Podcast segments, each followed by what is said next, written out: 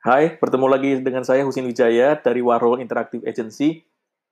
Saya baru-baru ini membuat status di LinkedIn uh, berkaitan dengan managing difficult people. Dan saya menyadari bahwa ini satu tema yang tiap hari kita akan temukan di dalam dunia kerja, bahkan menjadi-jadi ketika kita semua berada di dalam rumah. Ketika kita kerja di rumah, kita akhirnya menyadari bahwa span of control kita terhadap tim kita menjadi sangat lemah dan kemudian alih-alih banyak rekan-rekan yang kemudian menyarankan untuk membuat berbagai prosedur metode pengawasan melalui eh, proses-proses uh, kerja, KPI, meeting, kemudian reporting, dan seterusnya.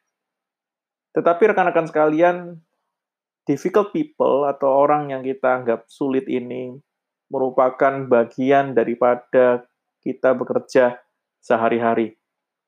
Oleh karena itu, saya ingin segera mengangkat tema ini dan memberikan berbagai tips kepada rekan-rekan sekalian untuk menghadapi situasi berhadapan dengan orang-orang sulit tetapi berada di dalam rumah. Artinya mereka kerja di rumah, kita tidak pernah bertemu di dalam satu kantor, dan bagaimana caranya kita kemudian berhadapan dengan orang-orang seperti ini. Tips yang pertama adalah separate the behavior from the person kita menyadari bahwa ada orang-orang yang memiliki tingkah laku yang berbeda dengan kita.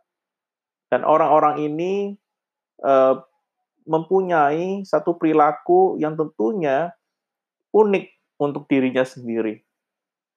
Kita harus menyadari bahwa behavior, perilaku, dan orang adalah dua hal yang berbeda. Oleh karena itu, bisa saja kita kemudian berusaha memahami perilaku daripada orang tersebut, tetapi kita tidak kemudian menuduh orangnya. Jadi kita melakukan satu separation, suatu pemisahan antara orang dan perilakunya. Yang kedua adalah menyadari bahwa perilaku itu muncul oleh karena suatu kebutuhan. Bisa saja ketika kita sebut dia sulit, mungkin karena dia ingin mendapatkan sesuatu dari kita. Misalnya contoh, orang-orang yang sangat dominan ingin mengontrol. Bisa saja mereka mempunyai kebutuhan akan suatu perasaan yang aman, atau kemudian suatu perilaku yang sifatnya merusak atau destruktif. Barangkali dia membutuhkan suatu perhatian. Jadi kita harus menyadari bahwa setiap perilaku pasti ada sebabnya. Pasti ada sesuatu di dalamnya yang membutuhkan perhatian kita. Yang ketiga adalah kita harus mencoba untuk mencari cara untuk mengetahui apa yang membuat kita tidak nyaman dengan perilaku tersebut. Kita juga pasti memiliki satu kebutuhan, satu latar belakang, karena perilaku kita selalu didasari oleh sesuatu di belakangnya. Oleh karena itu kita harus saling menyadari bahwa kita berdua memiliki kebutuhan-kebutuhan yang barangkali perlu saling diisi, saling kemudian uh, dirasakan oleh masing-masing.